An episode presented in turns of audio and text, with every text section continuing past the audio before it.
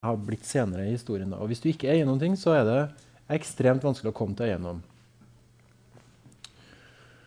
Og det at Jesus selv er fattig og tar inn hos de fattige og ikke eier noen ting og ikke har en uh, revnar hi, men menneskesønnen har ikke en sten til å legge sitt hode på. ikke sant? Så Det er en utfordring i det middelaldersamfunnet hvor kirka har blitt en av de største landeierne. Uh, og, de, og, kanskje den mektigste, rikeste institusjonen i Europa. Um, og så kombinert med en urbanisering hvor folk i byene selv leser til en viss grad, selv prøver å forstå og komme i inngrep med troen og fromheten. Da. Uh, da kommer det to nokså like svar på den utfordringa, som får nokså uh, ulik uh, betydning, kan man si. da. Dominicus han er spanjol. Ser fattigdommen, bestemmer seg for at han skal leve uten eiendom. Altså Benediktinerne, som dere har lært om, Benedikt fra, på 400-tallet som lager en regel for hvordan man skal leve sammen i, eh, som munk da, eller som, i kloster. Før Benedikt så lever alle som eremitter. De bor hver for seg i en hule og, og ber til Gud og mediterer. Og så med Benedikt så finnes det en regel for hvordan man kan bo sammen. Ikke så mye sammen, men så, mye sammen. Det kan man gjøre sammen, det kan man ikke gjøre sammen. Sånn og sånn skal man be, osv. Benediktinerne er um, jordeiere. Altså Den enkelte munk eier ingenting. Han må gi fra seg all eiendom når han blir benediktinermunk. Men klosteret eier noen ting. Klosteret eier jordeiendommer og er selvforsynt med mat. Så det er en, en enklave som passer i, i adelssystemet. Adelen er også jordeiere og bor ute på landsbygda og har gods der med øh, jordeiendommer som forsørger dem. En abbed på et benediktinerkloster ligner på det. Dominikus sier nei. Jeg skal ikke eie noen ting. Og en ting er at jeg ikke skal eie noen ting, sånn som Jesus ikke er noen ting. For dem var jo benediktinerne enig i. Men klosteret, brorskapet, skal heller ikke eie noen ting. Så vi skal ikke være stedbundet. Så mens stabilitas loki, altså et fast sted, var grunnverdi for benediktinerne og sistersienserne, som jo er en reform av den benediktinske, så er det det man unngår når man er tiggermunk. Man lever fra hånd til munn. går rundt og Hvis du vil at jeg skal være her og, og gjøre noe godt, så må du gi meg penger, for jeg eier ingenting og nekter å tjene noen ting. Um, og da får du altså, Den lille vridninga gjør to ting. Det ene er det her er en orden som er utadvendt. For hvis de ikke er utadvendt, så overlever de ikke. Når du tigger, så må du henvende deg til noen. Og du må henvende deg til noen sånn at de forstår at det er verdt å bruke penger på deg. og gi deg noen ting. Du må gjøre et eller annet godt for dem. Henvendthet, kommuniserenhet, utadvendthet. Det er det ene. Det andre er når du ikke har et fast sted, så må du reise rundt omkring. Det er jo en ulempe, selvfølgelig, men den store fordelen med det er mobilitet. Man kan bevege seg fra by til by. Ja. Var det et sånt slags fellesskap? Det, det er likt for begge to. Ja, det er likt for dem begge. Mm? Oh, ja, nei, ja, det er brødre. Kommunion. Ja. Mm. ja. Så de, de, de, går sammen i fellesskap, og så, og så, får de jo selvfølgelig et hus der.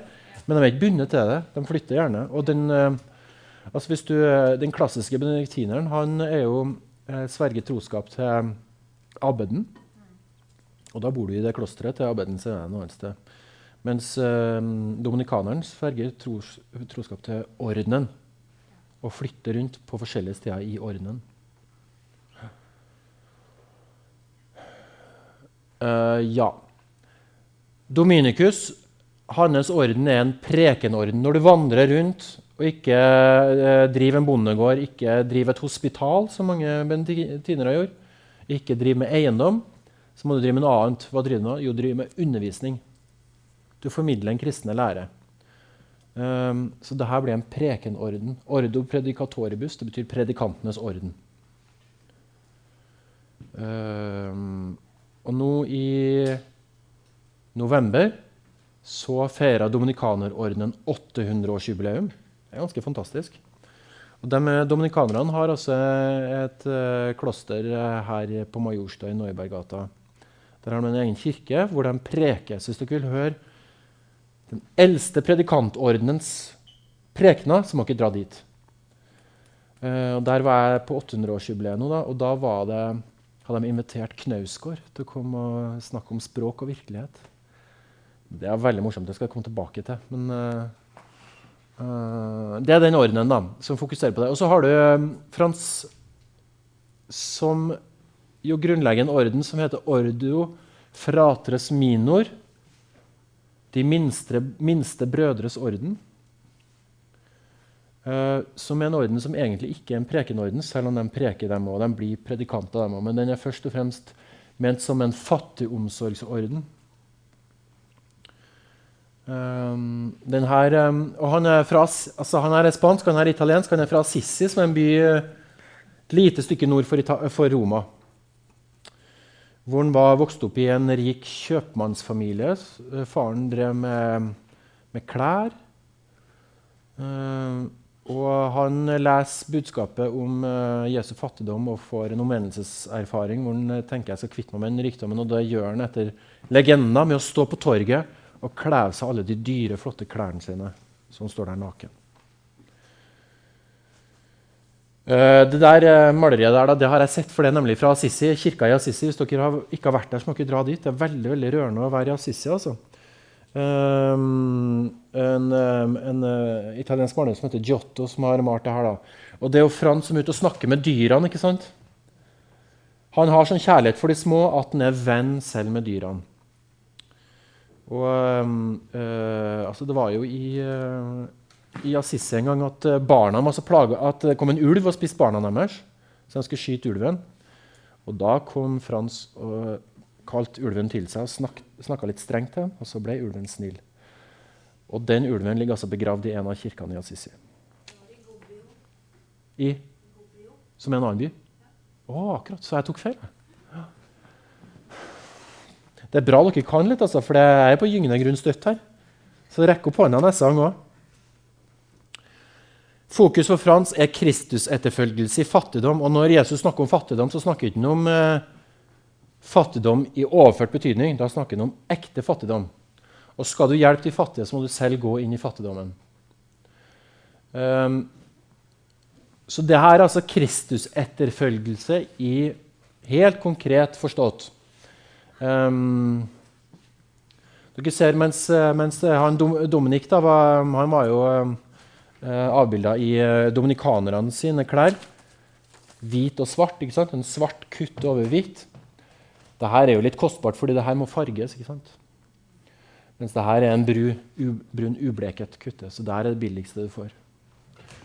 Og uh, han har bare et tau til beltet, ikke et lærbelte. Altså det, er jo, det, er jo, det stedet i verden her hvor de lager de flotteste klærne fortsatt i dag. og Sånn var det jo i alle fall i middelalderen. Og, så det å gå imot klærne, altså, det er et kraftfullt symbol.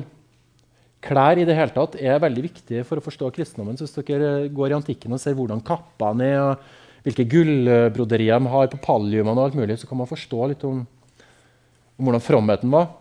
Og når fransiskanerne forlater de fine klærne da er det kraftfullt, rett og slett. Um, denne tjenesten for de fattige den er kombinert med innlevelse i Jesus. Mystikk, altså eh, det å vandre inn i seg selv og, og forstå mer om Jesus og, og hans liv og, og, Gud og sånn. Um, og uh, bekreftelsen på at dette er en ekte Kristus-etterfølgelse, den eh, får eh, Frans mot slutten av sitt liv med det som kalles stigmatisering. Nå til dags så tenker man at stigmatisering det er når man, gjør, ikke skal gjøre noen svake grupper, for det er ekkelt med stigmatisering. Men stigmatisering er jo en ære. Det betyr at du får Jesu korsmerker på deg, sånn som Jesus hadde på sitt kors. Så den lidelse Frans tar på seg med å leve for de fattige og for de små, um, med å gi avkall på rikdom og makt, Den lidelse får en bekreftelse på at det er Kristi lidelse. Det er sånn Kristus er til stede på jorda. Når han opplever stigmatiseringa. Det altså når han sitter i bønn, henvendt til Kristus, så ser han Kristus for seg på korset. Og så stråles Kristi eh, sår på Frans. Og Fortsatt i dag kan man også oppleve at mennesker eh, erfarer stigmatisering. I alle fall i den katolske verden så berettes det om det. Og det er mennesker som plutselig har sår i hendene. På, og, det er jo litt forskjellig hvor mye stigmatisering du får. da. For Frans var det jo eh, fem sår. ikke sant? En på hver hånd, en på hver fot og en i sida. Uh, og der er det altså sår som ikke gror. Hvor det, hvor det stadig er friskt blod. Så sånne ting skjer. Um, Frans drar til Roma um, for godkjenning av paven til å drive sin orden. Og Samtidig så er det en kamp da, mellom de som vil ivareta den opprinnelige radikale fattigdomsimpulsen til Frans, fransiskanerspiritualene, versus de som tolker Frans sitt liv på en måte som er forenlig med at kirka tross alt er en verdslig makt og har eiendom. Uh, og Den offisielle biografen til, til Frans, da, som blir professor i, i, Paris, Bonaventura, han fortolker det her også åndelig, på en måte som gjør at han er eh, akseptabel for paven. Mens de andre som blir fordømt av paven, som kjetrer, det er fransiskanerspiritualene. Og de lever også videre som en stadig utfordring og en stadig uro innenfra i kirka. Husk på, Det som er viktig for kirka for å bevare sin posisjon, er jo enhet. Så det her er farlig når det kommer sånne som truer enheten.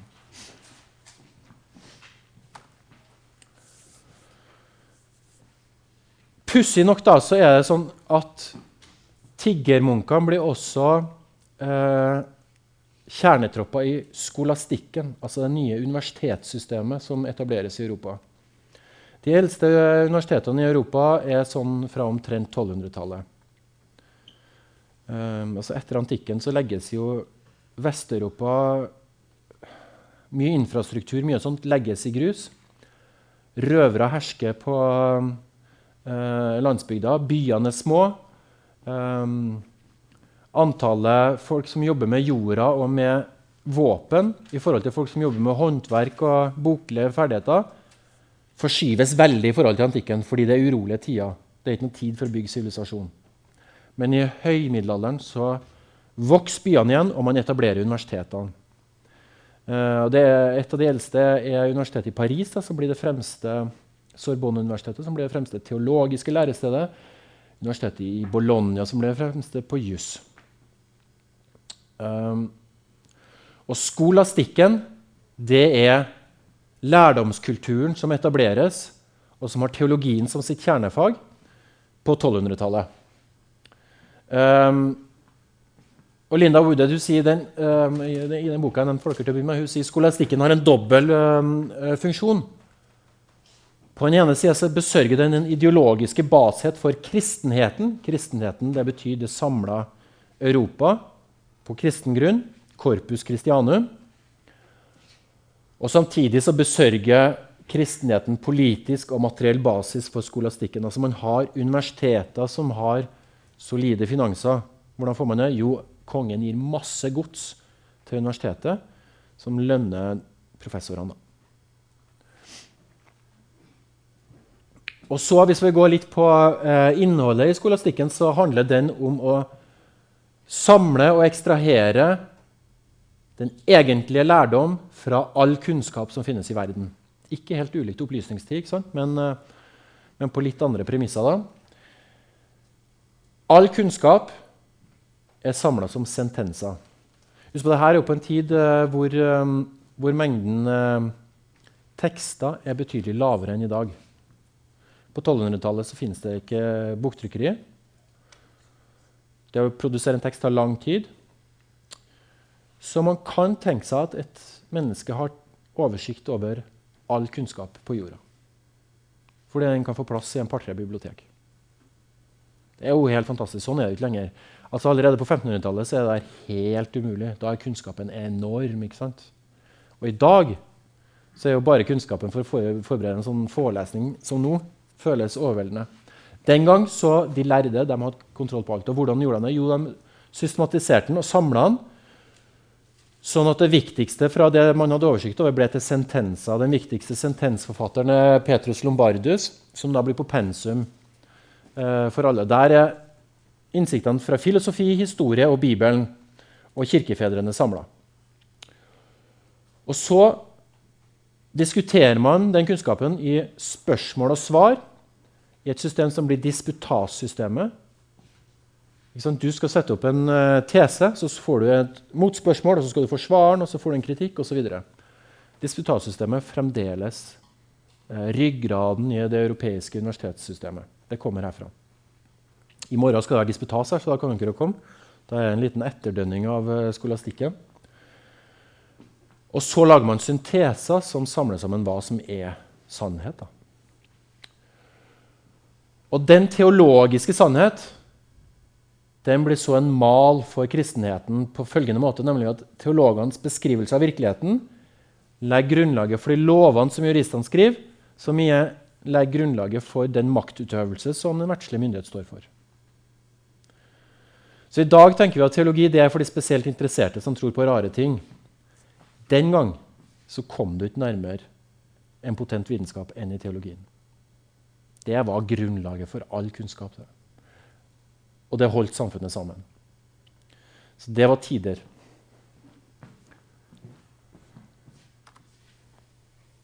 Den viktigste skolastiske lærer er en munk fra dominikanerordenen i generasjonen etter Dominikus nemlig Thomas, som kom fra byen Akinas. Um, han er uh, Han er, kommer fra en eh, fin familie uh, i adelskapet. Mora er, er en niese av fyrsten. Uh, men Thomas han går inn i kirkelig tjeneste fordi han er den, yngste av søsknene. Eller yngste av brødrene. De er tre brødre. Og da er jo sånn, altså, du vet, Når du er kristen, så må du jo gi litt av inntekten din til, til Gud. da, En tiendedel til kirka. Og når du får barn, så må du gi et av barna til kirka. Det er en god gjerning. Så ga han den yngste. Uh, og han skulle jo selvfølgelig bli benediktiner. fordi når du er en rik familie med landeiendom, så sender han til å bli benediktiner, for da kan han bli abbeder, altså jordeiere, men i et kirkelig system. da. Så det skulle han bli, og dro eh, av gårde til benediktinerkloster. Men på en reise så kommer han i berøring med dominikanerne og fattigdomsidealet og skjønner at det er jo det som gjelder. Det er jo det som er sann kristendom. Og så, eh, så går han inn i dominikanerordenen. Og Faren uh, boikotter den i et år, men kommer overens med han etterpå likevel. da. Og så viser det altså at det her er et av de største intellektuelle talentene som de store lærde i Paris noen gang har sett. Han jobber dag og natt, og han tenker superfort. Um, og det her er altså en av de teologene, og filosofene og vitenskapsmennene som får størst betydning gjennom middelalderen, og kanskje helt opp til vår tid.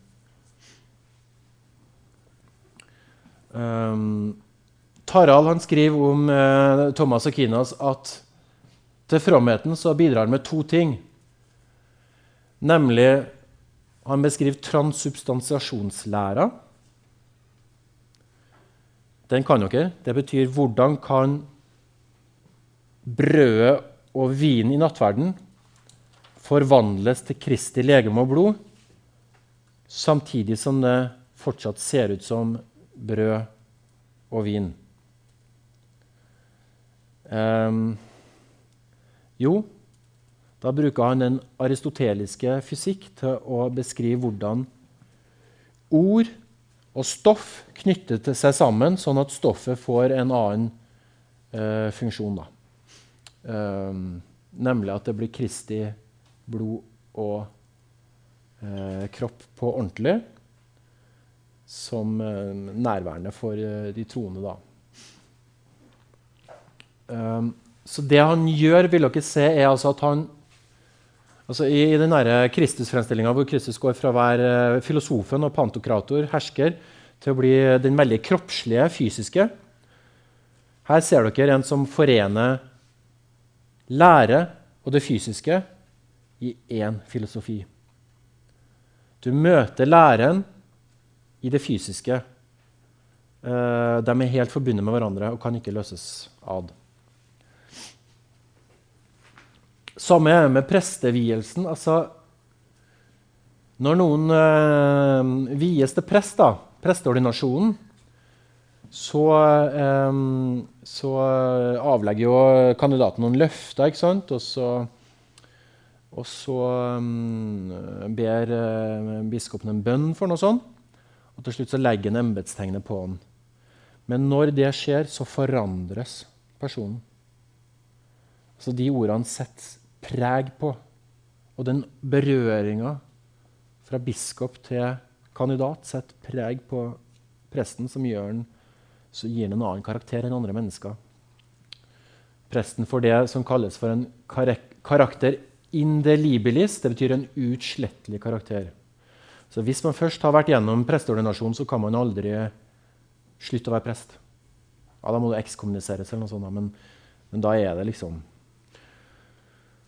og Den karakteren gjør at du kan eh, at når du sier de ordene som skal sies eh, i nattverden, så har de en annen betydning enn hvis du sier de ordene når du ikke er prest. Det er først da virkelig en forvandling kan skje. da.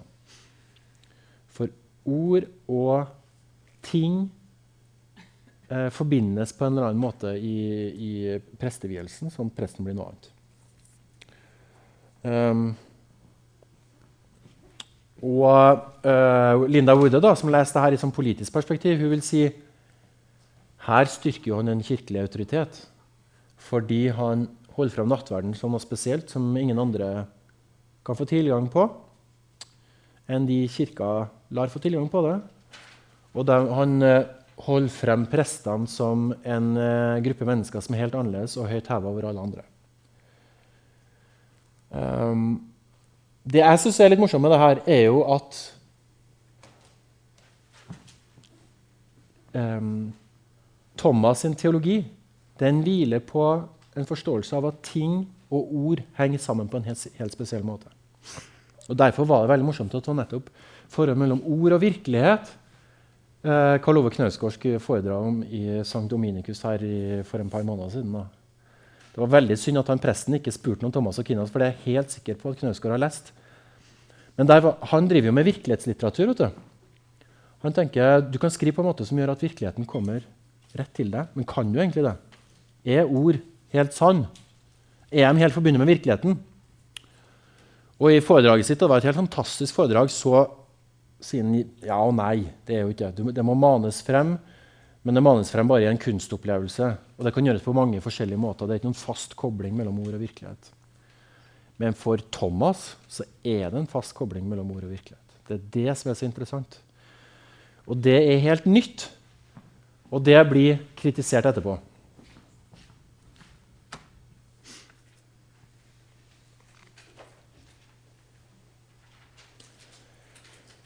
Um, Thomas sin filosofi skyter fart og blir stor når han begynner å lese Aristoteles. Aristoteles har man visst om lenge, men nå har det kommet nye oversettelser av Aristoteles via eh, muslimene i Spania, som har tatt vare på det siden antikken, eh, på gresk. Og De blir oversatt til latin, og eh, Thomas skriver uh, kommentar til Aristoteles. Så i stedet for å bare møte Aristoteles gjennom kirkefedrene, som har miksa han med så mye annet, så møter han Aristoteles for første gang på egen hånd. Og blir fascinert av, dere, Hvis dere har lest Aristoteles, så er det som er kult med Aristoteles, at han, han er så empirisk. Liksom. Han er så virkelighetsnær. Han skriver sånn og sånn ser den og den tingen i naturen ut. Og når den vokste, så skjer sånn og sånn. Og det er fordi den følger den og den regelen. Um, sånn og sånn er det med språket, fordi når vi snakker, så er det sånn og sånn. Eller sånn og sånn er det med teatret, fordi når vi holder en maske sånn og gjør sånn, så skjer det og det. Altså det er en, um, en virkelighetsnær filosof, da. Um, og han blir fascinert av det, og han ser Dette er bra fordi virkeligheten og sannheten hører sammen. Hvis kristendommen er sannheten, så må den være forenlig med virkeligheten. Og Derfor må filosofien og teologien gå overens. Det kan ikke være noen motsetning mellom filosofien og teologien. Og den beskrivelsen av virkeligheten som han finner hos Aristoteles, det tenker jeg, det er beskrivelsen av skaperverket som Gud har skapt. Aristoteles er kronvitne på skapertroen. Og her forlater han også Augustin og den platonismen som har vært rådende i teologien frem til Aristoteles. Dere har hatt om Augustin og Stig, tror jeg. Um,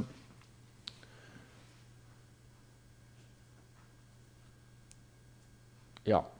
Jeg lurer på om jeg kommer tilbake til platonismen her. Nei.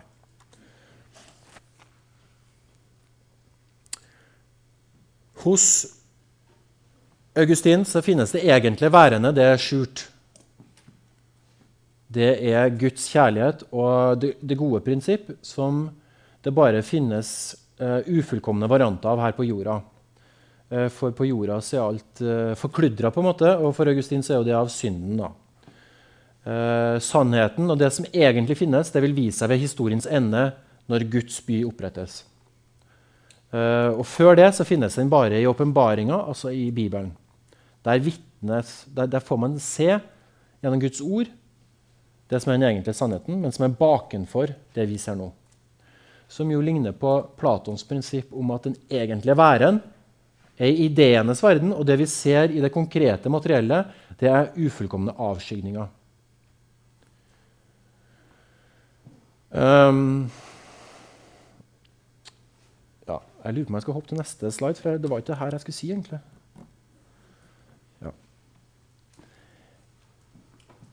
Hos Aristoteles finner eh, Thomas noe annet. Han sier det værende sfæren, altså det som egentlig er til, det finnes ikke for seg sjøl på et annet nivå. Det værende er å finne bare i de konkrete tingene vi ser. Bare i den virkeligheten vi kan ta og føle. Det vi møter der. Og I den grad vi kan snakke om et egentlig prinsipp, et værende som er større enn de helt konkrete ting, så finnes det som den måten de konkrete ting beveger seg på. Så f.eks. når du er en ung mann nå, så har du en bevegelse i deg som er en væren som utover din konkrete være nå, og den er mot å bli en gammel mann med langt skjegg og litt fyldig mage. Sånn er væren lagd. Så væren er ikke som en idé som du Altså, du, er ikke en, er ikke en eh, avskygning av den egentlige Adam, men du er deg sjøl. Men du har Du følger noen regler som går mot et mål. Og det er en, det er en fulle manndom da, med langt skjegg, f.eks. Og sånn er det med alle ting, ikke sant? Um, ja, det var det, den andre Jeg har skrevet litt uh, tomt, der, fordi jeg leste det egentlig på tysk. skjønner du. Da, når jeg skal skrive det på norsk, så blir det litt sånn. Um, det som står bak den pila der, det er ganske viktig. Jeg skal lese det nå, så skal jeg prøve å forklare det etterpå. Substans- og aksidensbeskrivelser er predikament og samtidig også ontologiske beskrivelser av væren. Det betyr Når jeg beskriver hvordan eh, altså du f.eks. består av kropp, som er en type stoff det er substansen din. Og så har du noen aksidenser. ikke sant? Du er en ung mann, f.eks. Eh, og de følger noen eh, kausaliteter. Du går i en viss retning. Så det er et predikament, en beskrivelse av noe jeg ser. Men det er også en ontologisk beskrivelse av væren, fordi det beskriver hvordan ting som eksisterer, oppfører seg. Hvordan det er på ordentlig. Det er ikke sånn at jeg kan beskrive deg som om du ikke skal bli en mann med skjegg. For sånn er ikke naturens orden. Så språk og virkelighet følger samme regler. Grammatikken er også ontologi, altså også metafysikk. Skjønner dere det? Ja. Så Derfor kategoriene er logisk tvingende fordi de griper det værendes egentlige bestemmelse. Dette kalles realisme. Eh, jeg var på en disputas her i høst hvor en kollega av meg hadde skrevet om hvordan, uh, hvordan vi skal bli når vi kommer til himmelen. Skal vi ha kjønn i himmelen? Uh, skal vi, hvis vi f.eks. er handikappa, skal vi sitte i rullestol i himmelen? Og så er jo det på en måte en måte å fantasere for å tenke hva er et godt teologisk språk. Hvordan er det lurt å forestille seg ting for at man får en god moral og et godt håp i verden. og sånn. Den ene sida av saken. Den andre sida av saken er jo sånn er det virkelig i himmelen. Vi har rullestol eller ikke, vi er kvinne eller mann. Og der var litt sånn, Hun formulerte seg litt sånn ubeskytta. Og da sa øh, opponenten, som var en professor fra Uppsala, han sa er det sånn at du tenderer mot en realistisk posisjon her? Altså at språket peker på en metafysikk som er på ordentlig. Og da sa han nei, nei, jeg har vel skrevet litt ubeskytta der. Men Thomas han, han har en realistisk posisjon. Han. Språk og virkelighet, teologisk vitenskap og metafysikk, forkynnelse og sann væren, det er ett. Det er det han får til med å bruke Aristoteles. Og det, han, ja, det, skal vi komme tilbake til. Men det er ikke bare Aristoteles' skyld. nemlig. Han mikser jo inn Platon her på en eller annen forunderlig måte. Er noe jeg glemte å si her? Ja. Det siste setninga her, åpenbaringa som fullkommengjøring av skaperverket, den handler om at Det som sies i Bibelen om hva som er bra kristendom, det er ikke et alternativ til verden. Det er ikke en flukt fra verden. Verden er ikke en fallen verden som vi skal ta avstand fra og leve annerledes enn. Verden er ufullkommen, men den er sann. Og det vi får av bidrag fra kristendommen, er der, er der for å fullkommengjøre den. Det er ikke en motsetning, men det er en utvidelse. Det er ikke en annen type kunnskap, men det gir en ekstrakunnskap som man ikke får av filosofien alene. Så uh, det, det, er et harmonisk uh, bilde av, uh, av verden og forholdet mellom kirke og verdslige myndigheter.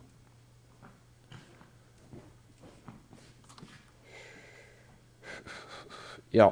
Og hun, Linda Udet hun sier Nå må vi være litt raske, for jeg prater så mye.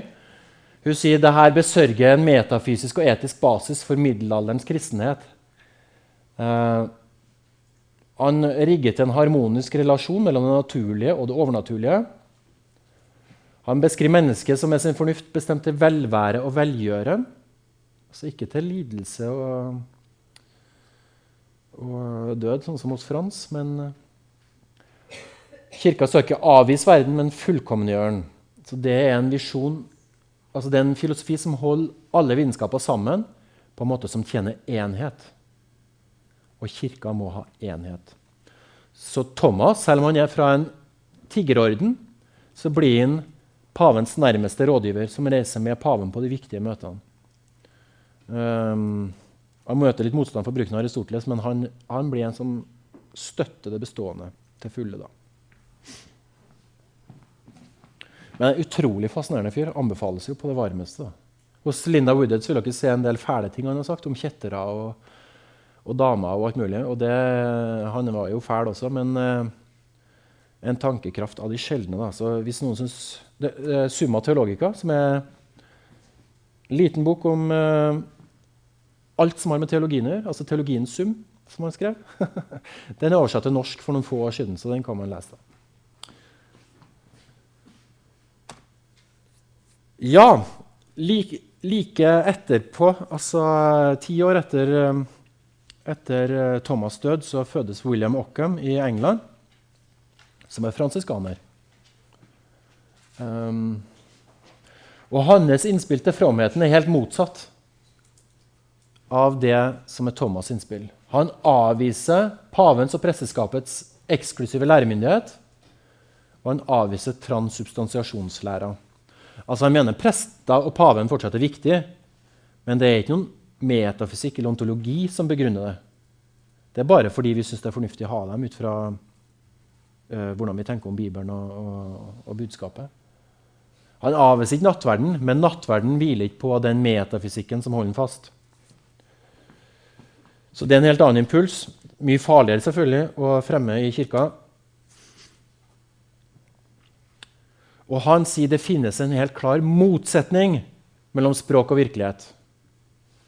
De, de befinner seg på helt forskjellig plan. Det er ikke lett å forene språk og virkelighet, sier William. Det er en motsetning mellom ontologiske og begrepslige kjensgjerninger.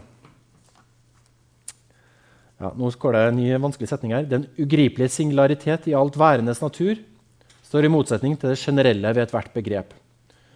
Så f.eks. når jeg sier 'mann' om deg, så er jo du en mann som er forskjellig fra alle andre menn. Ikke sant? Men begrepet er et fellesbegrep. Så det må være et eller annet som er felles for alle, som gjør at en kan samles i det begrepet. Men hva det er, tja, vet ikke. Men det er altså ingen eh, nødvendig sammenheng mellom begrepet og virkeligheten.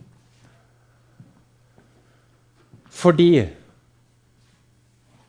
Måten å rydde opp i det her er at noe finnes utenfor det mentale, og noe finnes i det mentale. Så når jeg sier mann, så finnes det inni hodet mitt. Det er en måte jeg rydder virkeligheten på. Mens det jeg prøver å si med det, det finnes utenfor eh, det mentale, i tingenes verden.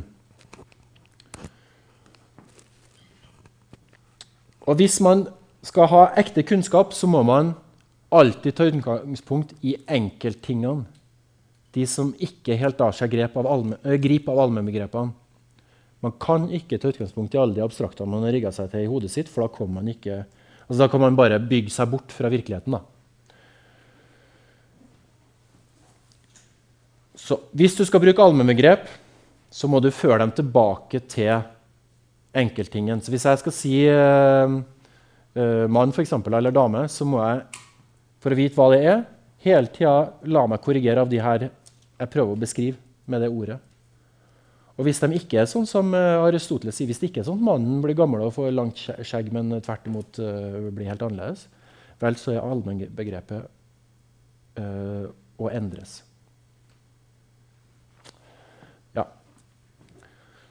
Og hvorfor får han til det her? Jo, fordi han stiller helt andre spørsmål. Han går inn i problemstillinga fra en annen vinkel enn Thomas gjorde.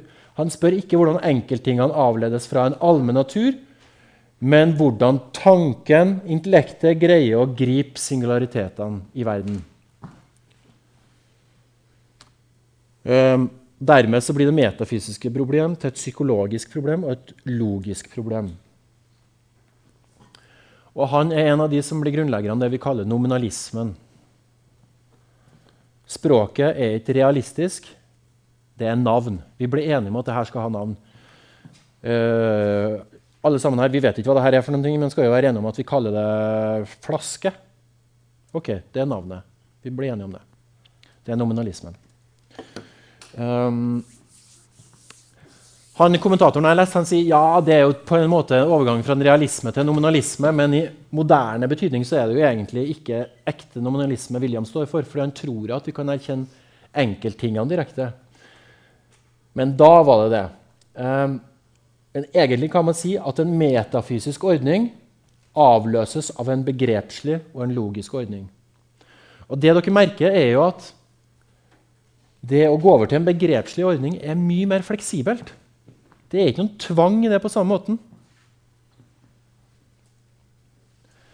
Virkeligheten kan forhandles på en helt annen måte enn den kan i Thomas sitt system. Vi har litt tid igjen. Ja. Den uh, erkjennelsen av enkeltting som alt baserer seg på, da, og som ligger til grunn for uh, at vi siden velger å gi det navn, den hviler på en intuitiv erkjennelse. Det at jeg nå erfarer at dette er et bord, det, det har ikke noen annen grunn enn at, jeg, at sansene mine tar det inn og tolker det sånn intuitivt før jeg rekker å tenke på det. Det er liksom uh, Du kommer ikke noe lenger ned enn det når du skal uh, nøste frem til de filosofiske grunnelementene. Da. Det er den intuitive erkjennelsen. Gud kommer inn i det her fordi han har absolutt makt. Gud er fri.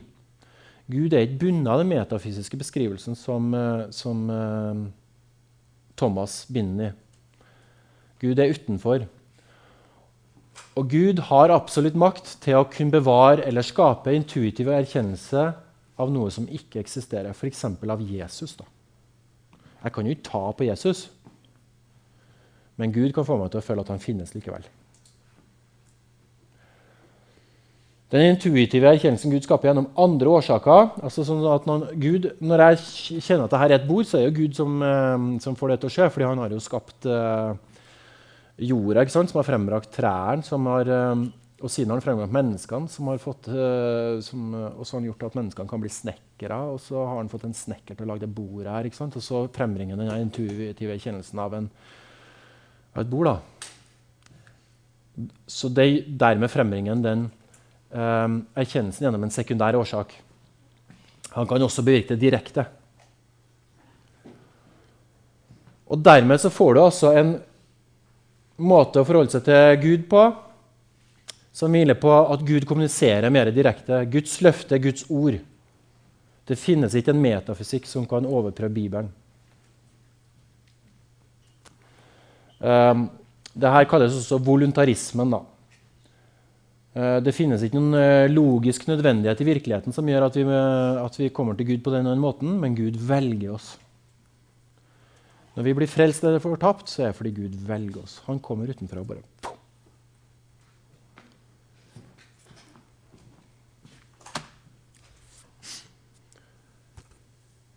I forhold til kirkepolitikk så får dette en helt annen impuls. Han sier kirka er ikke ufeilbarlig. Den består av feilbarlige mennesker som må prøves mot eh, lekfolk, verdslig øvrighet, Bibelen osv. Så, videre. så du kan ikke lage et system som er basert på at kirka er ufeilbarlig. Og Kirka sin oppgave i verden er ikke å være garantisten for lov og rett. Altså den øverste moralske myndighet over keiseren og rettssystemet. Nei, det er å forkynne og lære det kristne budskapet. Og fattigdomsidealet det skal ikke bare gjelde på individuelt nivå, men det skal gjelde for kirka som helhet. Kirka skal ikke eie noen ting. Og presteskapet skal ikke eie noen ting. Og lekfolket skal også strekke seg til fattigdomsidealet. Så det her er jo, altså På 1200-tallet er jo det her eh, eksplosive ting. Så um, for å ikke bli tatt av paven, så rømmer William til Bayern, hvor han uh, holder seg i eksil hos kong Ludvig som jo har en um, konflikt med paven fordi paven nekter å krone den til keiser. Og da beskytter han uh, William Åkham, da. John Wycliffe, som er, kommer etter den, han blir erklært kjetter etter sin død. Mens Johan Hus i Bøhmen han er ikke så heldig. Han lever fortsatt når han blir erklært kjetter og blir brent på bålet. Men det her er altså nominalismen som blir en kjempeviktig impuls for, eh, for uh, uh, nytida. Og som også er en viktig impuls for humanismen, som uh, kommer til å prege nytida. 1400-1500-tallet. Renessansen og humanismen. Men det skal vi snakke om neste gang. Jeg tror jeg brukte opp tida. Vil dere spørre noe likevel?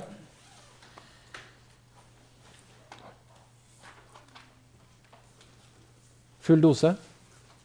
Takk.